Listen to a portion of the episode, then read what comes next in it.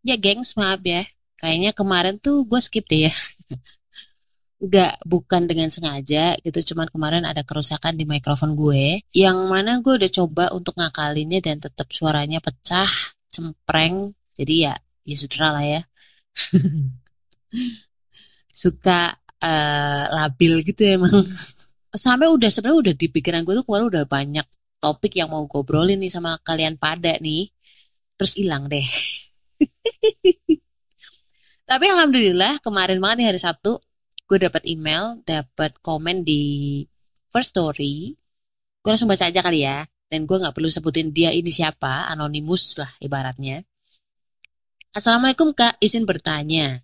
Saya seorang wanita pekerja yang merantau. Saya menjadi tulang punggung keluarga. Posisi saya saat ini belum menikah karena masih ingin puas-puasin untuk nyenengin diri sendiri dan keluarga di kampung halaman tentunya.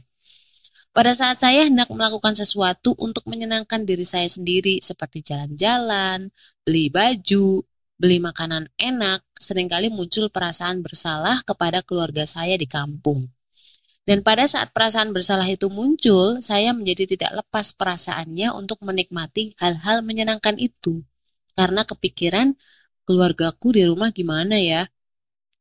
Apakah mereka makan enak juga seperti saya di sini? Apakah bisa merasakan hal yang menyenangkan seperti ini juga? Apakah boleh aku senang-senang sendiri di sini? Kurang lebih seperti itu. Apakah perasaan bersalah seperti itu normal? Terima kasih. Oke, okay. yuk kita bahas. Assalamualaikum. Gimana kabar lo? Alhamdulillah. Apakah lo lagi ngerasa kesepian atau sendirian? Kenalin, gue Ria Marliana, teman healing lo di podcast Self Healing. Di sini kita bakal ngobrol bagaimana sih belajar berdamai dengan luka, tentu aja atas izin Allah Subhanahu wa taala. Semoga Allah sembuhkan lukamu, ringankan bebanmu dan kuatkan hatimu. Gue langsung to the point aja ya, teman-teman. Misalkan Rasulullah nih. Beliau kan juga di usia 60 tahun itu bekerja ya, bekerja ke orang bukan hanya untuk menghidupi dirinya loh, istrinya, menghidupi anaknya juga menghidupi cucunya. Bayangin deh. Dan belum lagi kadang-kadang kalau misalkan ada umat beliau yang meminta sesuatu ke beliau, itu beliau ada pasti dikasih. Beliau itu tidak pernah makan enak kecuali beliau itu memanggil sahabat-sahabatnya. Beliau itu uh, makan daging atau apa gitu. Jadi kan sesuatu yang sangat jarang lah di rumah beliau.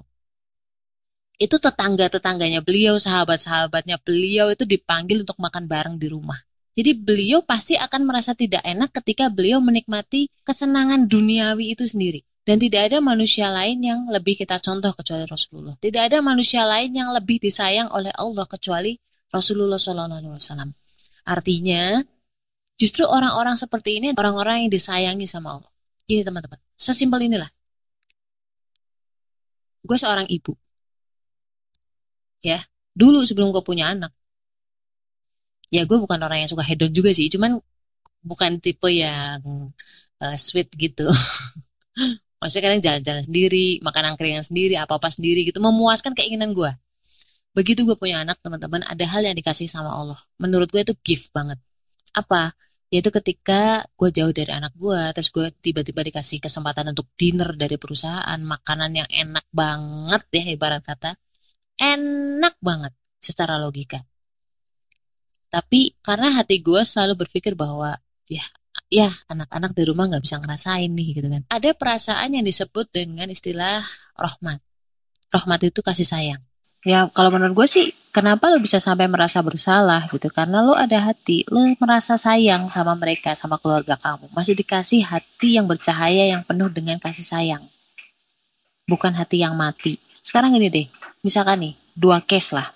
Sama-sama ngasih antara kamu ngasih ke pengemis di pinggir jalan atau lo ngasih uang lo itu ke keluarga lo pasti kan rasanya beda ya. Ya kan? Lu kan nggak mungkin dong misalkan setiap mau makan terus lu mikirin pengemis tadi makan gak ya? Makan gak ya? Kan nggak kayak gitu kan? Ya kan? Karena itu cuman ngasih doang.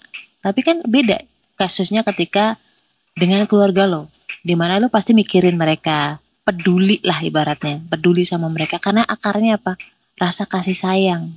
Analogi yang ekstrimnya kayak gini Lo lihat kan ketika saudara-saudara kita di Gaza di Palestina itu benar-benar dibantai kayak gitu ya kan itu tuh walaupun uh, kita jauh, kita nggak kenal, tapi kan ada rasa kayak kita jadi enak makan, tidur juga kayak kepikiran, terus sholat juga kepikiran sampai berbuah itu menjadi doa, betul nggak?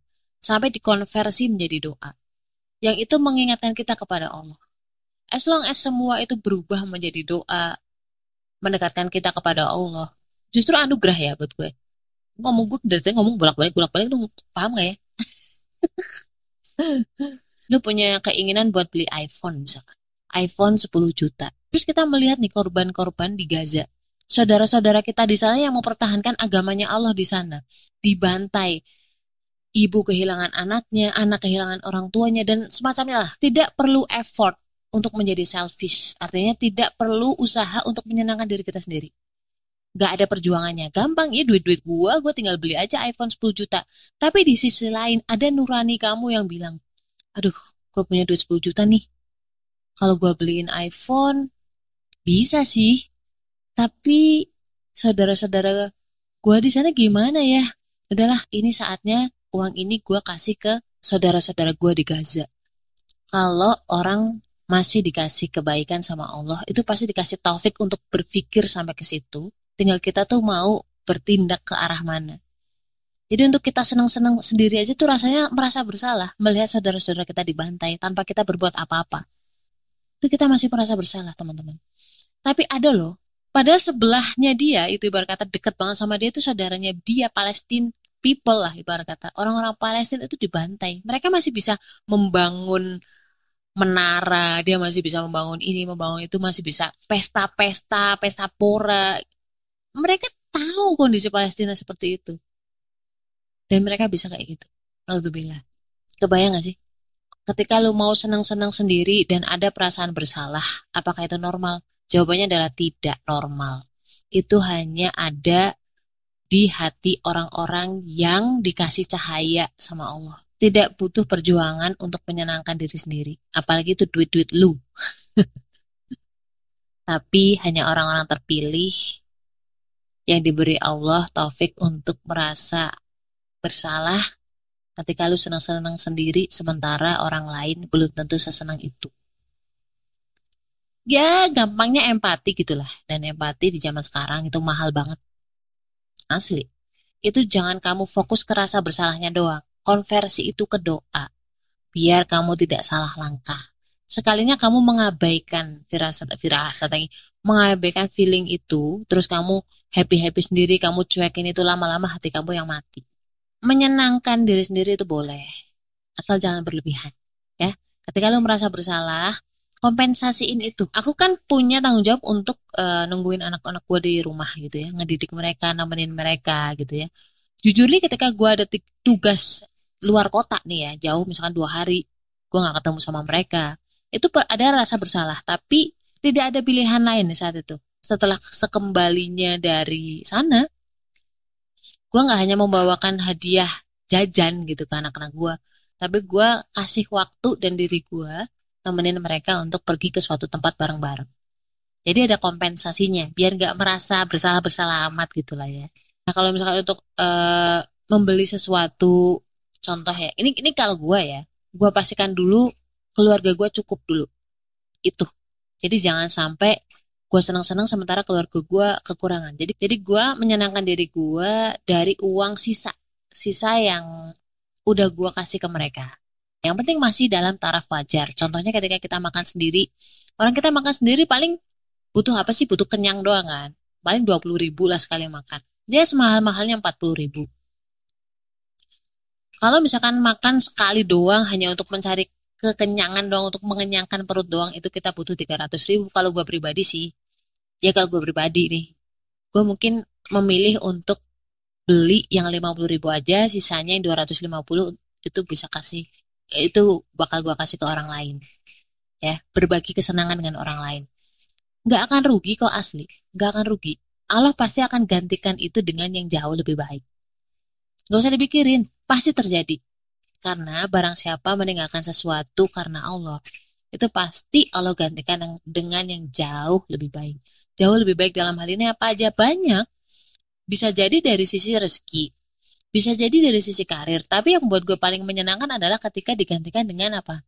digantikan dengan lihat anak-anak gue misalkan mereka seneng mereka bisa happy mereka jadi lebih dekat sama Allah mudah untuk ibadah itu jauh lebih menyenangkan gue itu sih. Jadi apa ya gue gue bisa relate apa yang lu rasain dan berdoalah minta petunjuk sama Allah. Ya nanti Allah akan mudahkan. Ya berbagi aja lah berbagi gitu. Ketika kalau dapat bonus misalkan berbagi aja nanti pasti balik. Pasti balik. Dan itu itu kayak lingkaran rezeki gitu loh. Ketika lu ngasih itu ada kembalinya lebih gede lagi. Itu ngasih lagi lebih gede lagi. Percaya deh. Jadi boleh boleh menyenangkan diri sendiri tapi please tetaplah sederhana tetap jadi kamu aja oke? Okay? la haula wala quwata illa billah. Stay love and assalamualaikum warahmatullahi wabarakatuh